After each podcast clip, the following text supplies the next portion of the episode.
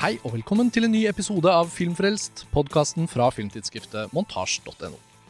Mitt navn er Karsten Meinick, og i dag kan jeg ønske dere velkommen til en liten spesialepisode. Vi er ute i felten på Odeon kino i Oslo og har med oss en gjest. En spesialinvitert gjest.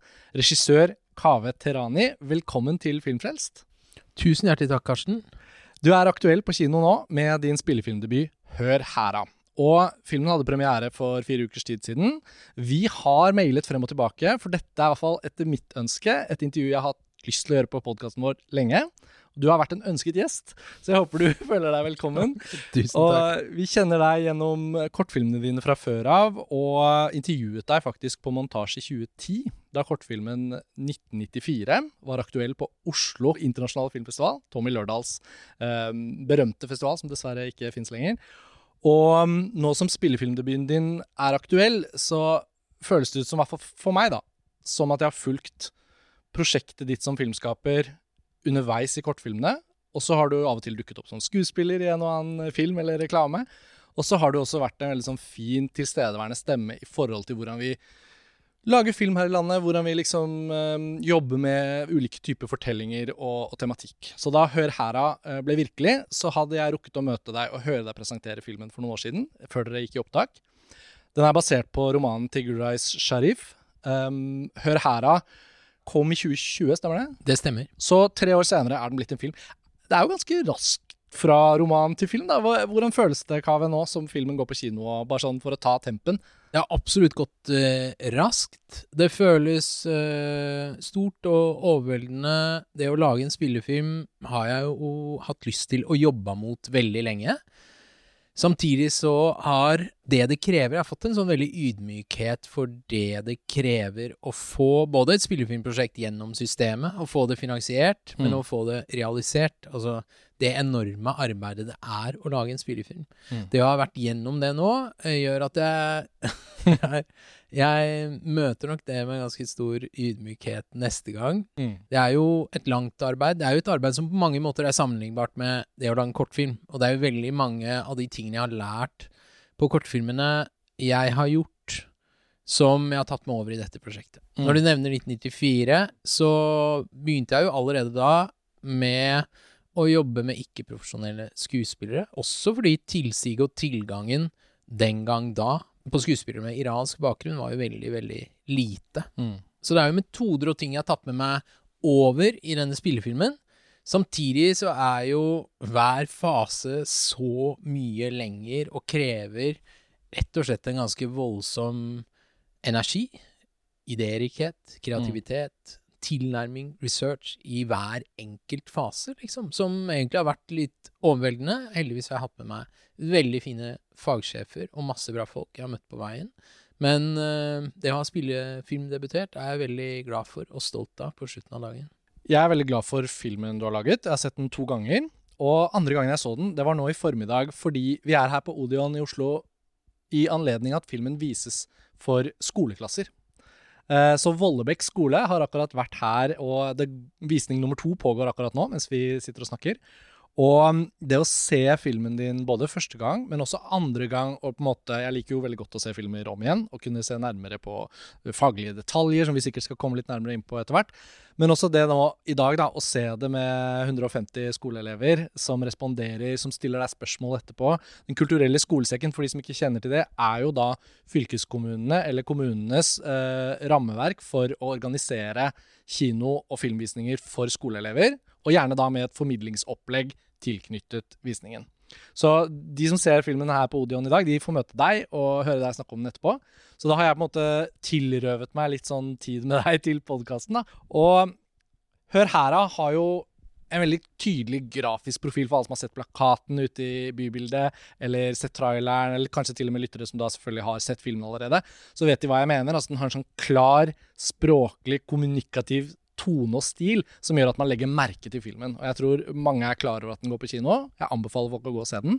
Men hvis vi skulle kort oppsummert litt hva den handler om før vi begynner å snakke om alle detaljene, så tenkte jeg selv nå Klarer jeg å gjøre det så kjapt, eller har Kaven øvd på dette hundrevis av ganger, så han vet hvordan han skal oppsummere det kjapt? Hovedpersonen, Mehmood, 13 år gammel, det er sommerferie. Onkelen fra Pakistan kom på besøk. Hvordan vil du liksom utvidet en oppsummering fra derfra. Nei, det, det er jo nettopp det som, som skjer. Onkel fra Pakistan kommer på besøk. Mehmood må være Oslo-guide for onkelen sin. Og mamma må stå på kjøkkenet. Han må vartes opp på ulike måter. Han er en kravstor fyr. Eh, samtidig som Mahmouds eh, lillebror Ali i løpet av sommeren forteller at han føler seg som jente. Mm. Så når den hemmeligheten sprekker i familien, så blir det kaos og ikke kos. Mm. Og faren eh, er ute og kjører taxi. Pappa er ute og kjører, han følger ikke så godt med på hva som foregår hjemme. Ansvaret for oppdragelse og barna er overlatt til mamma. Mm. Hun er jo mye tettere på disse. Så den personen som er mest, henger mest etter, er jo helt klart uh, pappa.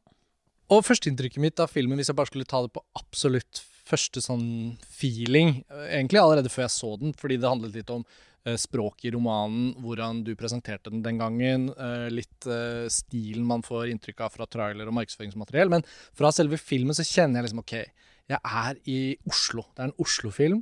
Jeg har karakterer som er på en måte selvbevisste. De bryter den fjerde veggen. Jeg føler Spike Lee er litt sånn i bakgrunnen her. Energien, musikkbruken. Det føles ut som den har så mye sånn kraft i form av ting den vil si, men uten at vi føler at den blir liksom tredd nedover oss. Og den tonen filmen har, syns jeg er i første omgang det som på en måte imponerer mest ut fra sånn filmfaglig plan. da. Det å få spill, stil, rytme, musikk, alt på plass. Og da må vi på en måte litt starte med ditt møte med denne fortellingen, og hvor den da opprinnelig kom fra, kanskje. Og, og hvordan du liksom så den filmen i boka. Fordi en ting er å filmatisere en kjent roman fra gamle dager. Liksom, hvis du skal lage film av Knut Hamsuns Victoria, eller du skal lage Sult, eller ikke sant? en eller annen sånn. Men Hør her er så veldig i tiden vår, og den føles veldig sånn umiddelbar. Kan du si litt om hvor, hvordan den følelsen fra å lese boka til å tenke at du kunne lage denne filmen, hva var ditt første inntrykk? Mitt første inntrykk av boka var jo øh, at den raste av gårde i den åpningsranten til Mahmoud. At den har en veldig sterk forankring i Mahmoud som hovedkarakter. øh, og i han har vi jo en antihelt som er full av sleivspark og betraktninger. Veldig mange tanker. At det er jo en sånn indre tankestrøm som ligger der i veldig stor grad. Samtidig så er det jo denne fortellingen om Alia som er bokas hjerte, og som også måtte være filmens hjerte. Og det er jo den historien som gjør det mulig å bære en spillefilm, tenker jeg. At det narrativet og den fortellingen som etter hvert kommer inn i boka, gjør jo at hele boka får en kurve og en utvikling eh, mot en resolusjon som gjør at dette her kunne være et, eh, et bra utgangspunkt for en spillefilm, da. Mm. Samtidig som det er nesten selvsagt, jeg tenkte jo det med en gang, at man måtte bruke en voiceover eh, når den skulle filmatiseres, og ulike typer sekvenser hvor man klipper til korte billedfortellinger for å illustrere de tingene som Mahmoud eh, snakker om. Mm. Så det ligger jo en sånn Både en sånn formbevissthet, eller at den krever en ganske stor sånn stilsikker formbevissthet, hvor det er ganske åpent. Man kan gjøre mange ulike grep. Samtidig som jeg tenkte etter hvert i filmen så må det bli mørkere, det må bli trist, og det må bli tøft, og det må bli, bli vanskelig. Vi må kunne rukket å bli så glad i de karakterene at vi føler at det står noe på spill. At denne familien må det gå bra med når dette dramaet etter hvert kommer inn i større og større grad. Og det har jo vært en sånn en nøkkel og noe vi har jobba med hele veien helt fra manusstadiet. Mm. Både rytme, scener, eh, avveininger av liksom formgrep mot drama. Og familien som utgangspunkt for en fortelling er jo da anvendt i all tid. Jeg føler familiefortellinger eh, Det skal mye til å finne en fortelling som på en eller annen måte ikke er en familiefortelling. Eh, men noen ganger har man veldig sånne klare, ensomme figurer som beveger seg gjennom tomme landskap og sånn. Men i veldig veldig mange historier så er det umulig å komme unna plassen hovedpersonen gjerne har i sin familie, og, og, og hva de springer ut av. Og så føler jeg at Hør hera har en sånn herlig kapittelaktig følelse hvor at en stor familie, som sikkert du kjenner deg igjen, jeg kjenner meg i hvert fall veldig igjen i det, at dette er bare ett kapittel, ett drama, fra en familie rik på mange ulike hendelser, som alle var dramatiske. De er fylt av kjærlighet, men det henvises jo til episoder og hendelser tidligere i foreldrene sitt liv, og kanskje det peker frem mot hendelser som skal komme. Men i filmen deres har dere på en måte da sommerferien som en ganske sånn grei kapittelinnramming, som gir dere også Fordi én ting er jo å føle at en fortelling og karakterene er rike nok til å lage en spillefilm ut av, men noe annet er å ha en begrensning som også gjør at det ikke blir krav om en stor episk fortelling, da, med store forflytninger og sånn. Så jeg tenker innenfor det eh, som, sitt, som, ligger der fra romanen, og hva dere har valgt, så får dere akkurat den der fortettede kapittelfølelsen fra denne familien. Jeg vet ikke om du kjenner deg igjen i den beskrivelsen, men jeg følte at det gir filmen rom for å ha energi, rom for å ha montasjer og sånn, men den forplikter seg ikke til en sånn enorm lang familiefortelling. For veldig ofte blir jo sånne familier sånne krøniker, hvor liksom fortellingen tar aldri slutt hvis du bare fortsetter og fortsetter. Uh, i, forhold til strukturen i, i manuset, men også liksom i hvordan dere har klippet den sammen, sånn, det, var du bevisst på den typen sånn blandingen av begrensning og på en måte at det er fortettet nok? Uh, absolutt. Vi visste jo at sommerferien var rammen. Allikevel så har jo Onkel G kommet for å bli ganske lenge. Og jeg er litt usikker på hvordan det føles uh, for andre når de ser filmen, men Onkel G, og noe av poenget, er jo at han kommer for å bli i tre måneder. Fordi når man søker visum til Norge fra Pakistan, mm. så får du tre måneder. Og da bruker man de tre månedene. Mm. Man reiser ikke hjem det er ikke 17 før besøk, liksom. Det er ikke 17 dagers besøk. Og sånn har det jo også vært i, i vår familie. En gang på 80-tallet så kom pappas bror og hans kone og med to unger, altså min onkel, tante, fetter og kusine, mm. kommer på besøk til oss på Tolstrø. Mamma trodde de skulle bli værende i hele sommerferien, og så ble de værende i ni måneder for å søke om green card og reise til USA. De flykta da fra krigen i Iran, ikke sant? Ja. Mm.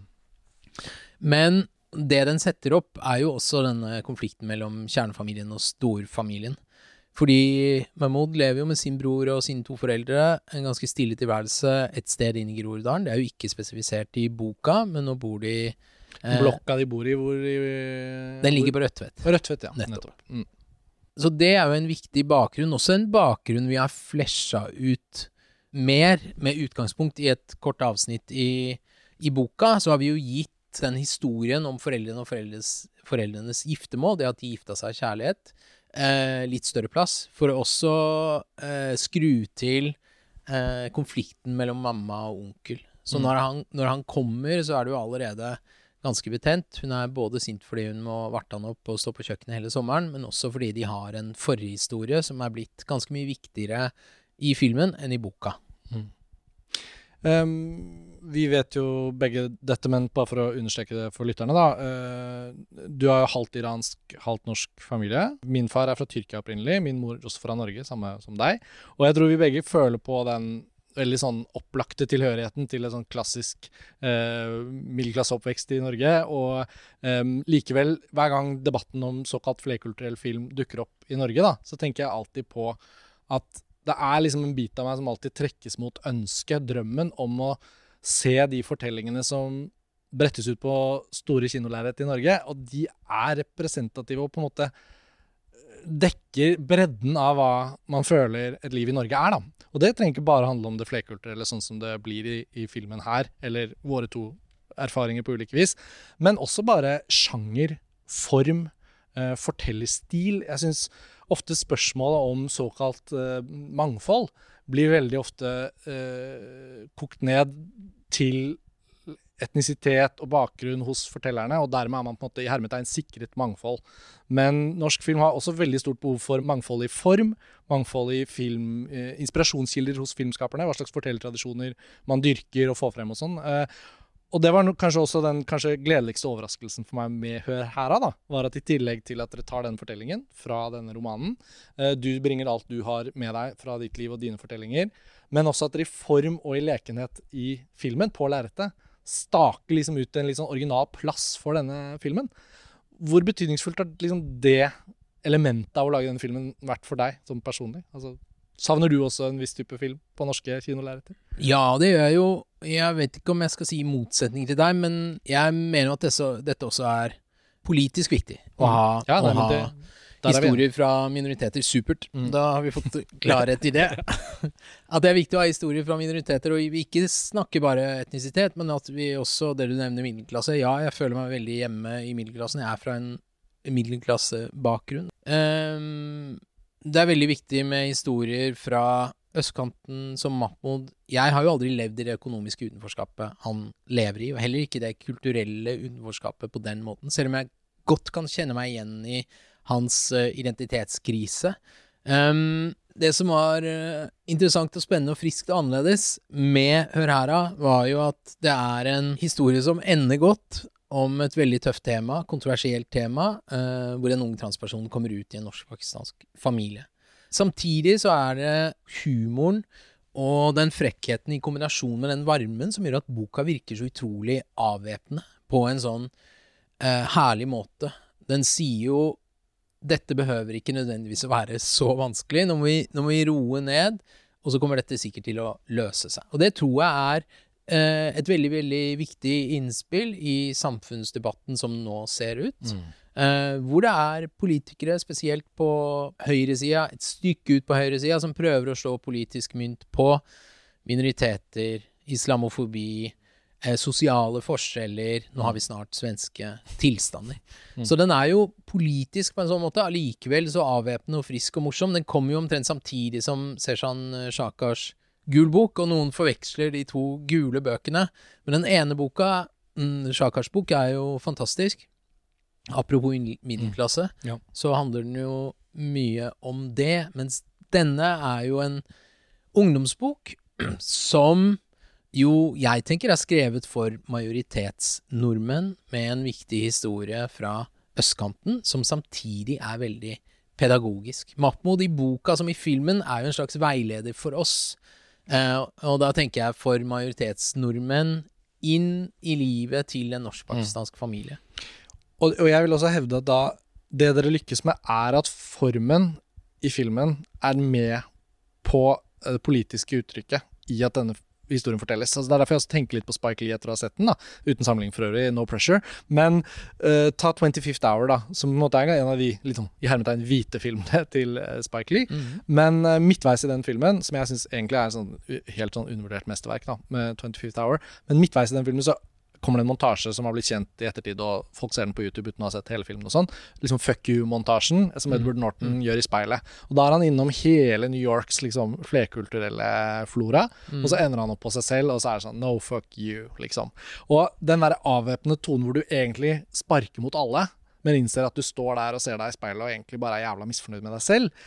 Altså, det er ikke helt en fuck you-montasje dere har der, men dere har en liten runde midtveis i filmen hvor dere er innom ulike typer. da, Tyrkerne som ser på Fenerbahçe, Galatasaray, somalierne som står og snakker. altså sånn, Jeg syns det er veldig fint, og også velkomment, da, at i en ganske sånn varm, fin ungdomsfortelling som kan rette seg til mange, så har dere også ganske mange stikk. Og jeg syns de treffer bedre når også formen deres tester ut litt hva en norsk film kan være. da. Mm. Jeg sier ikke at man aldri har brutt den fjerde veggen i norsk film, men det er jo også veldig mange trygge, solide, realismeorienterte norske filmer som lages, hvor dramaet på en måte fortelles og kameraet er usynlig. Mens her får vi på en måte, får det litt i fleisen. da. Og det ligger sikkert i boka men jeg tenker jo liksom at film blir veldig konkret når dere bruker form på den måten. da. Så det er litt det jeg mener at det, det utvider liksom det filmkulturelle uttrykket også. Absolutt. Og det er jo Jeg, jeg tenker jo på Hør her som en underholdningsfilm som har noe på hjertet, og noe den vil si. Og sånn er det jo i boka også. Nå skal jeg ikke snakke så mye om boka, men man blir jo umiddelbart grepet av liksom tempoet og energien. Mm. Og det er jo det som har vært uh, noe av det viktigste for meg, er jo å klare å liksom overføre dette spiriten fra boka, noe av bokas liksom DNA og energi, over i, i film.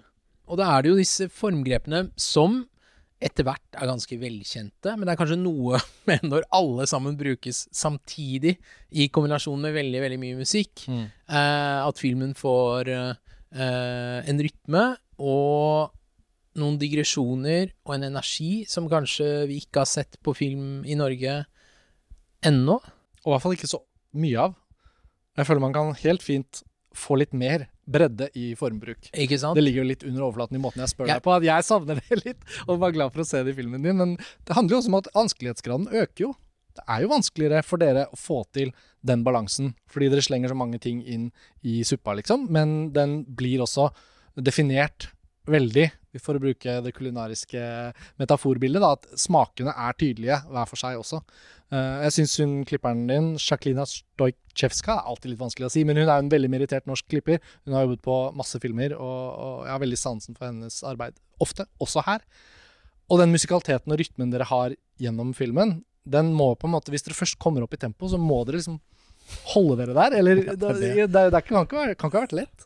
Ja, det er det. Vi begynner jo veldig Vi går jo ganske hardt ut Mm. uh, i den åpningsmontasjen. Og så roer jo tempoet seg betraktelig, men vi har jo vært Vi har vært veldig oppmerksomme på Liksom å tenke filmen som helhet. Hva skjer når man setter et så høyt tempo i starten? Forventer man at uh, det tempoet skal holde hele filmen igjennom? Eller er det mulig å roe det ned? Og hvor lenge kan vi holde på formgrepene uten at de virker fremmedgjørende på en sånn måte at de kommer i veien for drama og fortellingen når det etter hvert begynner å spille seg ut. Eh, Jacqueline har gjort en helt fantastisk jobb, eh, og er jo i utgangspunktet Hun har jo klippet mye drama, Mm. er veldig, veldig flink til å klippe spill, men det viser seg at hun også er en veldig formsterk eh, klipper eh, med en fantastisk eh, rytme. Så min jobb her har i veldig stor grad vært å fòre henne med arkivmateriale og musikk, som Mm. jo er veldig, veldig viktig i denne filmen. Vi har nesten en time med musikk i en film som varer i halvannen time.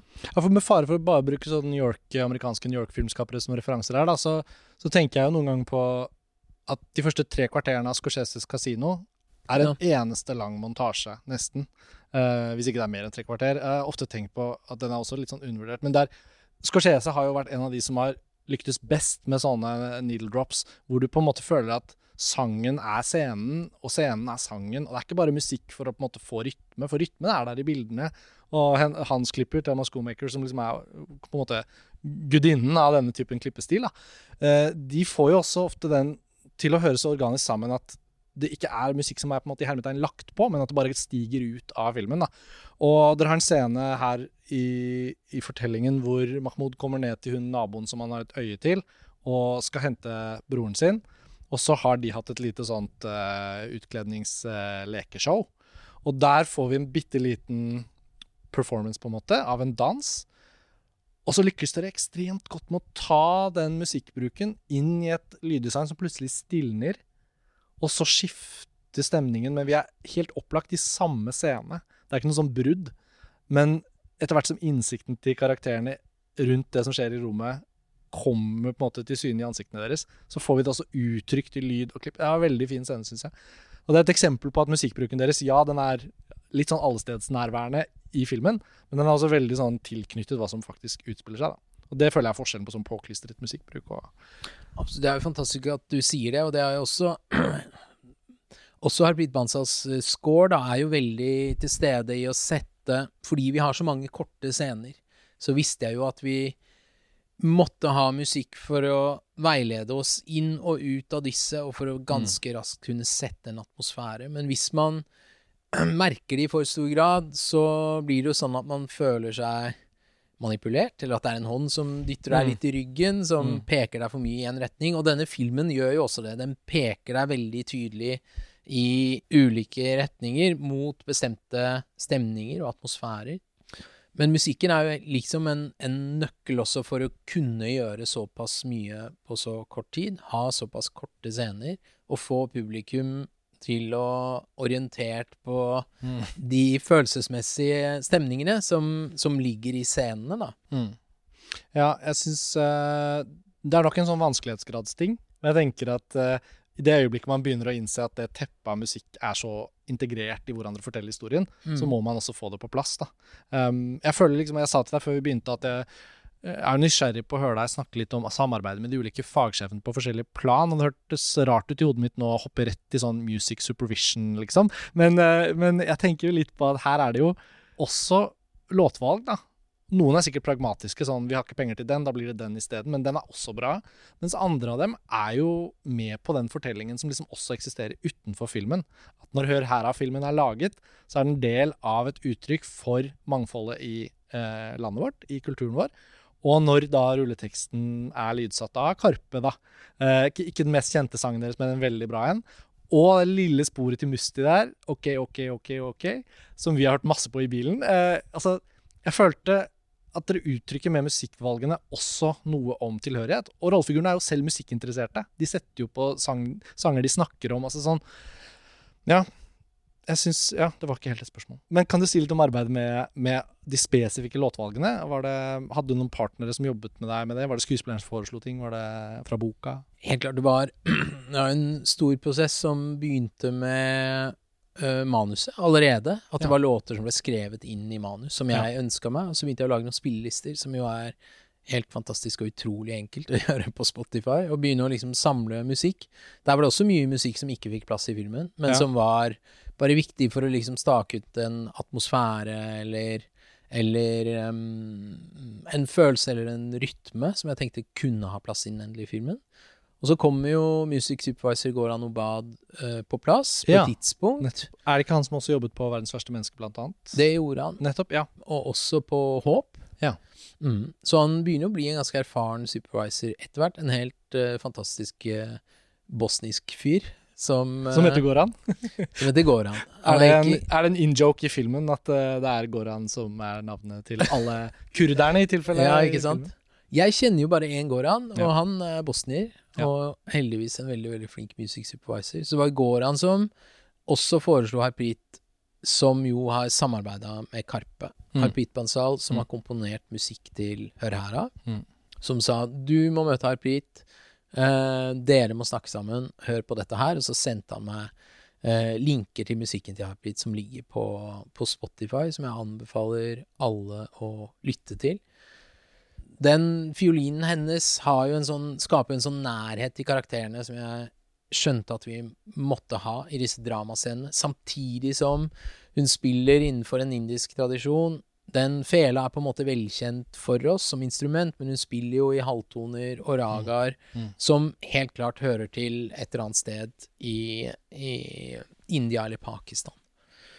Så Arpit øh, bestemte vi oss tidlig for at skulle, øh, skulle komponere denne musikken. Samtidig så er det, som du sier, det er noen låter som har vært inn og ut. Eh, noe vi ikke har klart å klarere, blant annet en del pakistansk popmusikk fra 90-tallet.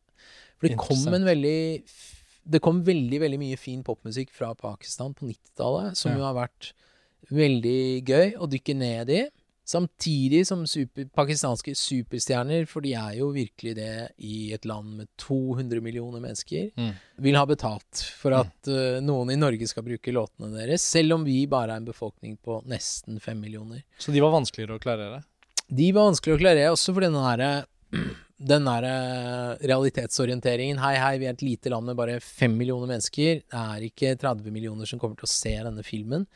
At vi ikke i alle tilfeller har fått til det. Samtidig så har vi hatt med oss et kobbel med produsenter og musikere som har klart å gjøre Jeg vil ikke kalle det mockups, for det er ikke mockups. I mange tilfeller så har de klart å gjøre musikk som er tilpassa scenen, skreddersydd scenen, eh, og i, i klang og tone og sang eh, er, det, er det blitt bedre enn det jeg hadde håpa på. Ja, altså For meg med et utrent øre, da, å bare se filmen, og på ingen måte ha tid til å shazamme underveis i visningen, så, mm. så blir jeg bare veldig sånn grepet av at den organiske flettingen mellom lydbildet og fortellingen jeg ser, og at Mahmoud har jo ofte ørepropper og er på en måte aktivt lyttende til musikk. Hvis de spiller noe i bilen han ikke liker, så plugger han i, og så er vi med han over i det han hører på. Så sånne type grep gjør jo altså at all denne musikkbruken, nå som vi har snakket litt om det, da, lykkes godt med å være medfortellende. Og det er jo det man alltid ønsker seg. Og så er det jo selvfølgelig umulig å ikke bli grepet av en sinnssykt berømt sang som noen klarer å få råd til å putte i filmen. En eller annen film. Og da blir man jo Det er umulig å ikke like en scene hvis den er drevet av det, men det kan føles litt sånn som falsk mat òg. At du har fått et måltid, og så er det egentlig ingenting nedi magen din etterpå. Så, Et nei, men- veldig, veldig dyrt måltid. ja, veldig, veldig dyrt. Er sånn fem Ja, ja. minutter med Beyoncé til to millioner. Men fint, da har jeg fått spurt deg om musikk, for det var litt viktig for meg. For det er så lett for meg å glemme. For jeg liker jo selvfølgelig å snakke om klipping, men jeg liker jo også litt å snakke om hvordan en film som Og, og, dyk, og få liksom grave litt da, i, i din egen opplevelse av hvordan en film som dette hva, hva er på en måte det vanskeligste for deg å få til her? Eh, det høres kanskje enkelt ut å spørre om, men jeg, jeg syns jo også resultatet deres får det til å se ganske lett ut. Og det er jo da man har lykkes. Jo, men den flyter, liksom, den glir av gårde. Eh, og så har jeg jo intervjuet mange filmskapere her på Filmfrelst. Jeg jobber jo som klipper selv. Og, og, og kjenner jo til de utfordringene og vanskelighetene man har i det daglige liksom, kverna med å få en film opp og stå, og helst få den så bra som mulig. Men vi snakket litt om romanen, vi snakket litt om din inngang til filmen. Eh, jeg spår liksom at det å få disse skuespillerne inn, og få de beste, og få det beste ut av dem, det må jo på en måte også være noe av den oppgaven regissører har som vi andre ikke alltid får øye på, da. Eh, Eller er jeg på feil tangent da? Nei, ikke i det hele tatt. Og det var jo det, helt klart. Når jeg da skal lage min debutfilm, og det er en 13-14-15-åring i én av rollene, en bærende rolle Mahmoud er jo, um, er jo helt avgjørende for at denne filmen skal kunne fungere. Mm. Og også en ung transperson med pakistansk bakgrunn i den andre Mm. rollen, så er jo castingen noe av det jeg er aller, aller mest nervøs for, for jeg vet ikke hva jeg får å jobbe med. Fins det der ute? på en måte? Fins det der ute? Hvordan finner man det? Um, det gjelder å begynne tidlig og søke bredt og være tålmodig, og samtidig ha litt flaks. Um, og der har vi vært uh, Jobba veldig hardt, og samtidig vært veldig heldig med Mohammed Ahmed som spiller Mahmoud. Jeg syns han gjør en utrolig bra rolle. Tusen hjertelig takk. Ja. Og det ser også så lett ut, da. Det ser Apropos, også så lett han, ut. Han er så naturlig hovedperson her at man ikke helt ser at han spiller det, på en måte. Nei. Vi har jobba, jeg har jobba veldig mye med Mahmoud, eh, med Mohammed Ahmed, for å få han dit han er i filmen. Og det er jo en kjempestor jobb. Å, å jobbe frem en sånn skuespillerprestasjon fra en ungdom, og også fra Ali. De har jo litt De krevde jo ulike ting av meg under opptak, men de krever veldig mye oppfølging og veldig mye fokus. Så det har jo mm, Hva skal jeg si? På opptak så går veldig mye av min tid til de to. Uh, og oppmerksomheten min har i veldig stor grad vært der. Mens eh, de andre skuespillerne har eh, i større grad fått oppmerksomhet i forarbeidet, sånn at de er godt forberedt. Og så er de veldig viktige som support for meg eh, i scenene og underveis i opptaket. Så må jo jeg som regissør i noen grad lene meg på de tingene, de variablene jeg har, som jeg vet er liksom forutsigbare. Fordi barn gjør jo veldig mye forskjellig når de er foran kamera, eh, og de kan jo være inn og ut av, av fokus og prestasjon og konsentrasjon, ikke sant? Men vi har jo klart å bygge en prosess rundt de hvor eh, jeg har vært eh, veldig nær med de, hvor jeg har hatt mye kontakt med familiene, hvor Shan Kureshi, som var min regiassistent, har øvd veldig mye med Ahmed. Uh, pugga replikker, rett og slett. fordi noe av det jeg syns er mest fantastisk i prestasjonen hans, er at han klarer å gjøre all denne teksten levende og troverdig. Og den føles ikke litterær heller, selv om vi vet at forelegget er en bok. Altså, dere kommer gjennom ganske mange sånne nivåer av sånn OK, det er ikke mer enn at det er det, nei. Nei. Altså, så det føles ut som han mener det, og at han sier det fra sitt eget hjerte. Liksom. Ja, ja. Samtidig så er han kanskje litt sløyere enn det jeg hadde sett for meg. En, en ting jeg skjønner underveis, er jo at man kan jo ikke gi Jeg kan ikke gi for mye regi. På et eller annet tidspunkt så Mm. skjønner jeg jo at jeg må jeg, Man må på en måte akseptere det råmaterialet uh, man har, eller jeg må akseptere at man spiller disse scenene og sier disse replikkene sånn som han gjør det. Uh, det er så mye vi skal gjennom i løpet av en dag, at å gi han veldig sånn detaljrik instruksjon gjør at vi mister mye energi og fremdrift. For på en spillefilm så med barn, hvor det i tillegg snakkes urdu i mange scener som jeg ikke snakkes, og hvor vi har åttetimersdager i stedet for titimersdager, så er jo tidspresset helt enormt. Det er veldig mye vi skal gjøre hver dag. Så en nøkkel var jo liksom å få Mohammed Ahmed så godt forberedt at, eh, at alt sammen sitter. Og det gjorde det jommen meg. Altså, han er en veldig, veldig skarp eh, fyr som har lagt ned masse arbeid for å Mm. få til dette her. Samtidig så er jo Aliyah også i mange scener sammen med Mahmoud, og har helt andre behov. Mm. Eh, det var bare viktig at hun ikke begynte å spille, og ikke gi henne replikker for lang tid i forveien. Helst ikke gi henne replikker i det hele tatt. Bare, Mm. Bare, der og da, liksom. bare sette henne inn i hva som foregår i scenen. Ja. Og så var det noen scener, eller én scene vi måtte ta Vi tok om igjen eh, dagen etter, så hun fikk litt mer tid til å lære replikkene sine. Mm. Så det er jo det man har i et sånn ensemble med en sånn familie, er jo fem skuespillere mamma, pappa, onkel, eh, Ali og Mahmoud, som Mm. har veldig ulike behov. eh, Hvor man må prøve å dekke så mange av de voksnes behov, sånn at de veit hva de skal gjøre når de kommer på sett, mens barna trenger ganske mye fokus og oppfølging for å klare å holde konsentrasjon og være til stede. Mm. Så trenger de enten ris eller ros, eller beskjed om å liksom skjerpe seg, og så har vi eh, hatt veldig flinke folk rundt. En barnepasser som var helt fantastisk, som ungene ble veldig, veldig glad i, som har vært veldig viktig, eh, som heter Zaman. Og ellers et sånn et apparat rundt barna som har gjort at de har følt seg trygge, og at dette stort sett har vært morsomt. Men så er det jo jeg som ofte blir den som må stille krav og ønske meg ting. Og de gjøre ting om igjen. Eh, og pushe når, eh, når det behøves. Ja, fordi jeg tenker i hvert fall fra tryggheten av et klipperom, så er det lett å glemme hvor mye klokka tikker under en innspilling, uansett, selv i Norge hvis man har et solid budsjett for å løse det manuset man har eh, i hånda, så er det likevel ingen tvil om at klokken tikker. Du snakker om disse åttetimersdagene, og, og plutselig så, så har man ikke tid, og da er det det man har. Mens når man sitter i klippen, så har man i hvert fall liksom, eh, gleden over å på en måte kunne bare gjør ting bedre veldig lenge, før det til slutt blir sånn OK, nå er vi på et høyt nivå, nå kan fortsatt Nå kan også ting bli dårligere hvis vi begynner å, å kødde med det vi har fått til til nå.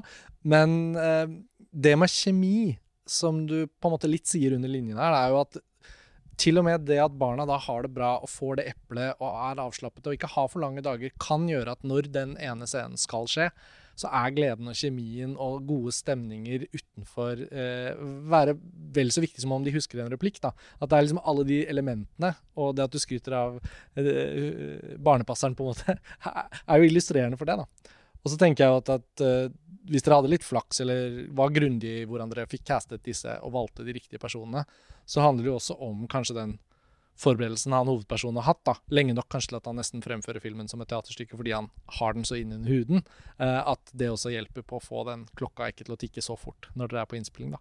Alt hører liksom sammen, og jeg glemmer det veldig fort når jeg sitter og ser en film. Fordi, som jeg sa i stad, det ser så lett ut når det bare flyter av gårde, da. Um, så jeg ville bare Det var fint å høre deg forklare det, Kaveh. Jeg syns du skal ha honnør for det. Men alle som har sett Særlig vil jeg da trekke fram kortfilmen din 'Viktor', fordi jeg tok et gjensyn med den i går. Eh, dramatisk instruksjon, det syns jeg du har lyktes utrolig bra med, i ulike sjangre. Altså 1994 har jo et litt sånt eh, nesten sånn mockumentary-aktig vibe over seg.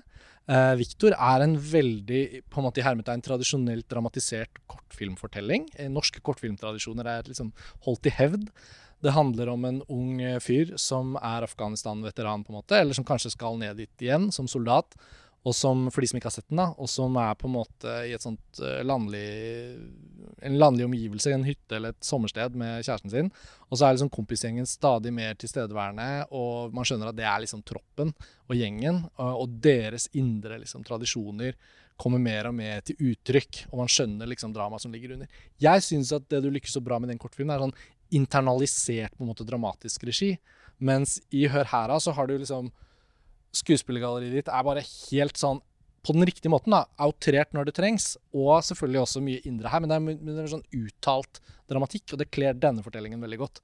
Så det er liksom ulike typer skuespillerprestasjoner å få til, da. Hvor, hvor føler du at liksom dine din inngang til det å instruere skuespill egentlig kommer fra? Er det en sånn tradisjon du har eh, jobbet med? Har du gått noen spesifikke skoler og kurs som gjør at du er liksom spesielt herdet for det eller det? Kan du si litt om hvordan du har opplevd det, også i kortfilmene, da, å jobbe med ulike typer skuespillertradisjoner?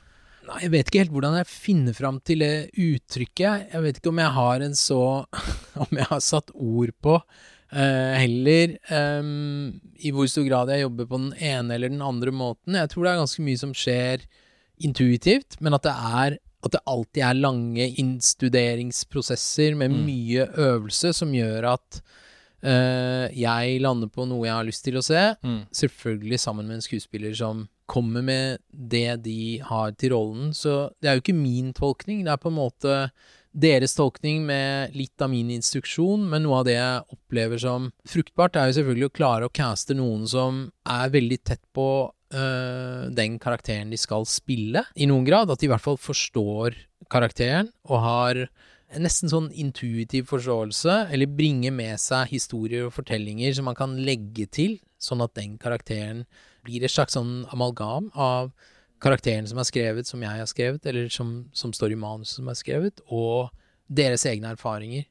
Eh, og aller helst så vil man jo finne skuespillere som ikke bare konstruerer erfaringer, men som faktisk Men som ærlig talt sier at denne karakteren kjenner meg, kjenner meg igjen i, her er det mye jeg kan dra veksel på, Mm. og som gir den ekstra motivasjonen til å skape et karakterportrett. Mm. Eh, Og så liker jeg lange innstuderingsprosesser og, og caste tidlig, sånn at man har tid til å både jobbe om manus, sånn at det kan tilpasses til skuespilleren. Hvor 1994 er på en måte et slags sånn eh, en prosess jeg var igjennom som har satt veldig stort preg på hvordan jeg aller helst driver med skuespillerinstruksjon. Hvor Aziz, som da spiller Darius, eh, er en person jeg ble veldig veldig godt kjent med. Vi kom veldig tett på og nært på hverandre. Han fortalte meg mye om sitt liv, også historier og fortellinger som, som er med i den ferdige filmen. Mm. Og her er utgangspunktet et litt annet, fordi vi har en roman som skal filmatiseres. Um, allikevel så snakker jeg jo mye med disse karakterene, med disse skuespillerne, underveis. Også for å orientere meg sånn kulturelt i det pakistanske. Hvordan fungerer en pakistansk familie? Eh, mange samtaler om, om hva kan man si, hva kan man ikke si, hva bør man si? eh, Hva føles riktig for disse karakterene? Og så er det ting som har blitt justert etter samtaler med Mohammed Ahmed, som spiller Mahmoud, Mm. og med mamma, pappa, onkel. Mm, med Mohammed Ahmed så er jo også språket som jeg tror um, Hvor Gulais og hans litteratur er jo helt sentral. Samtidig så er det ting som har blitt eh, oppdatert, fordi vi jobber med en 13-åring fra Fjell i Drammen som Mm. snakker dette språket, og som, som har det helt under huden. Men som en sidenote, og det bør vi egentlig snakke litt ordentlig om, er dette med å filmatisere en bok som er skrevet på norsk. Eh, hvordan man på en troverdig måte eh, i en norsk-pakistansk familie, hvor det også må snakkes urdu, skal klare å overføre dette til, til film. Det har vært en, en veldig stor og vanskelig oppgave, hvor Gullais litteratur og det særegne språket han har konstruert og skapt, hvordan skal vi få med oss dette over i denne filmen? Hvor kan det snakkes norsk, og hvor må det snakkes urdu? For vi hadde et øyeblikk, produsentene Ingvild eh, Berger og Yngve Sæther hos Motlys og meg, hvor vi sitter med boka og skjønner Denne filmen er jo ikke bare på norsk. Det må jo snakkes flere språk. Og det har også vært en sånn kjempeutfordring underveis i opptakene at jeg ikke snakker urdu, at det også er tidkrevende å få på plass um, at replikker på urdu skal sitte, mens jeg sitter og ser på spillet og passer på at det sitter, at Shan Qureshi sitter ved siden av meg og passer på språket. Så det har også vært en veldig utfordrende, utfordrende del av denne prosessen. Så den regiassistentrollen hans var veldig sentral, da, på mange måter. Det var den absolutt. Mm.